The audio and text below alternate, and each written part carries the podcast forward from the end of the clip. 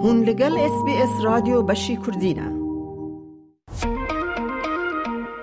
Learning English helps me to talk about books.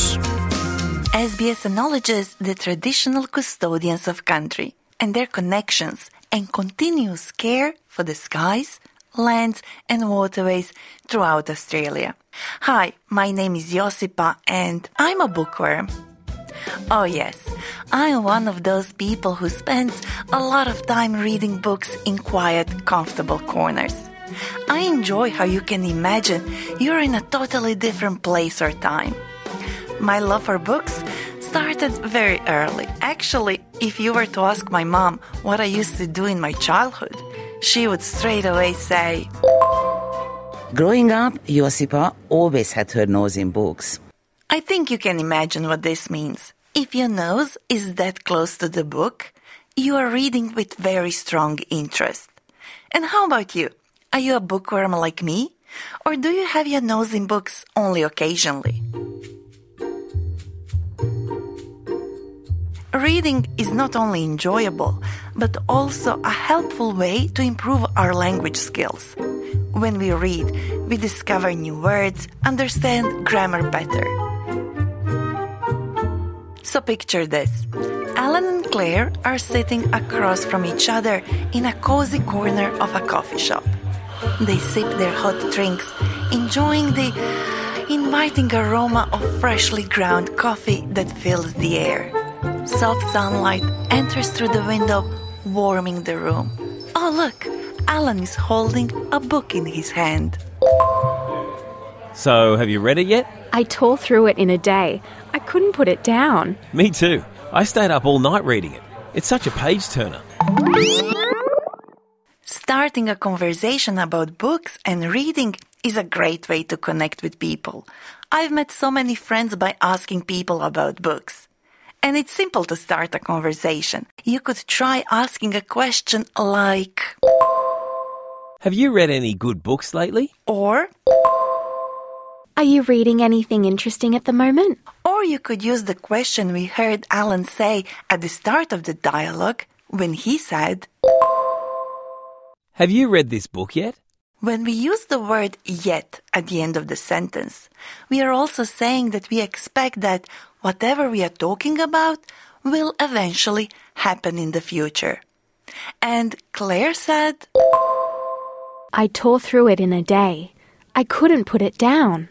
I tore through it in a day is something we say when we have read a book very quickly, usually because it was so interesting that we just couldn't stop. Or, as Claire says, I couldn't put it down.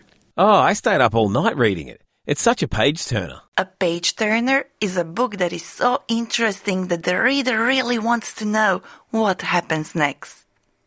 A page turner usually has a very exciting plot that keeps you guessing so that you never know what is going to happen next.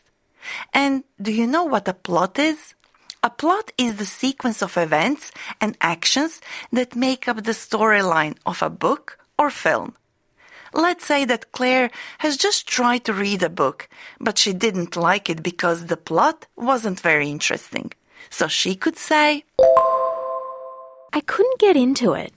that means that she just could not get interested enough in the plot or the characters. Now, let's say that Alan was trying to read a book with a plot that was so boring that he just couldn't get into it. He could not become interested in it. In that case, he could say, I struggled to finish it. And what was the last book you read like? Was it a page turner? A book you just couldn't put down? Or was it something you couldn't get into? Did you struggle to finish it? Or did you tear through it in a day? I love to read before I fall asleep, and I go through all kinds of genres. I read thrillers, Stories that have intense plots where you just don't know what will happen next and are so gripping that they keep me on the edge of my seat. crime stories.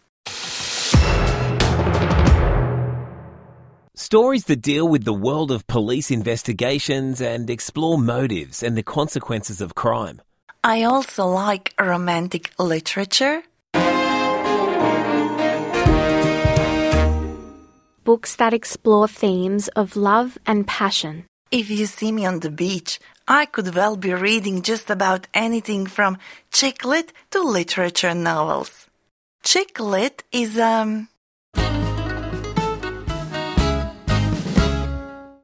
Genre of literature set in modern times that follows the experiences of female main characters as they live, love, and develop in a light-hearted way. Fiction books that value artistic expression we call literature novels. They usually explore complex ideas and the depths of human experience as well as telling a story.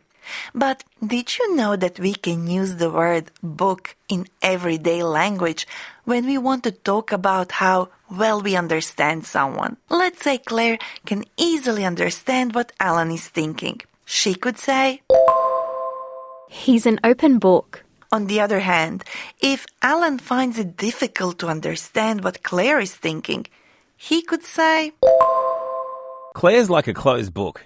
I never know what she's thinking. We can also use the word book when we want to offer an opinion on something. For example, we could say, In my book, a cozy blanket, hot chocolate, and nice company make for a perfect evening.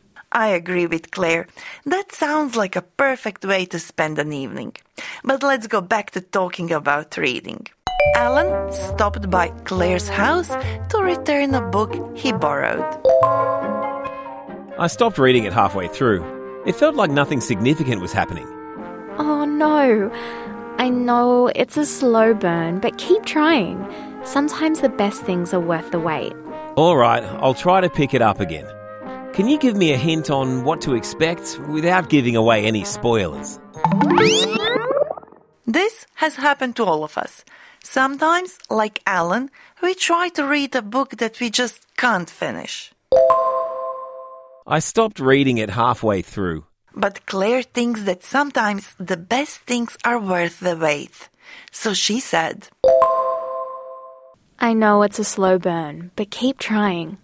If a book is a slow burn, its story takes its time to develop, slowly becoming more interesting as you read further, even though it might need some patience at the beginning.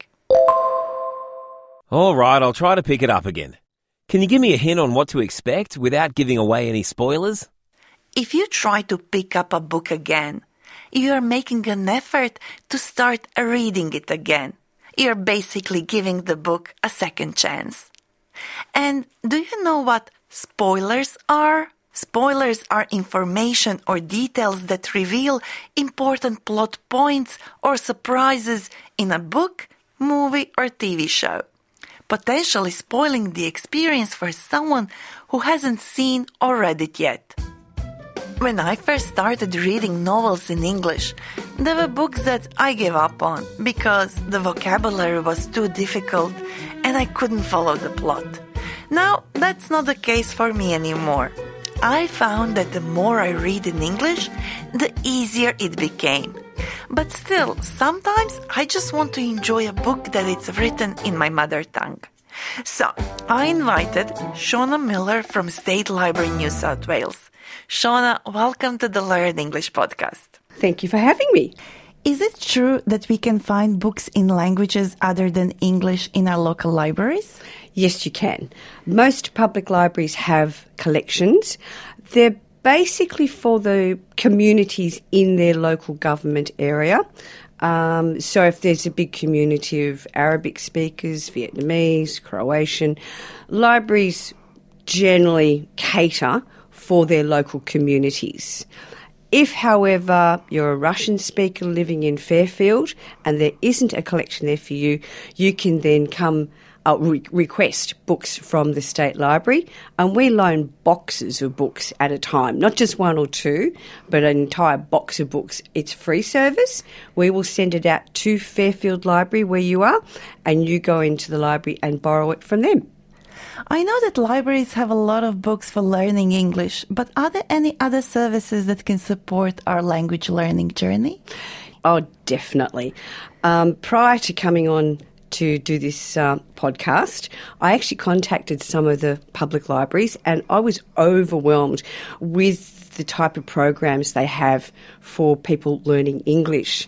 There are bilingual story times, there are let's chat sessions, there's conversation classes, um, there's English conversation classes at an elementary level through to a more advanced level.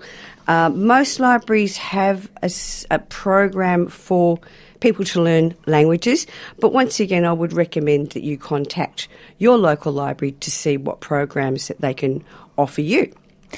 And all these services are for free? Oh, definitely, yes. And libraries really want people to come in. They spend a lot of time and effort putting these programs together, and they really want as many people as possible to take part. So, if you do nothing else, please visit your local library. They're there for you and they love to help. Thank you, Shona. Thank you so much. Okay. It's time for practice. See if you remember the meaning before hearing the answer. What does it mean to have your nose in a book?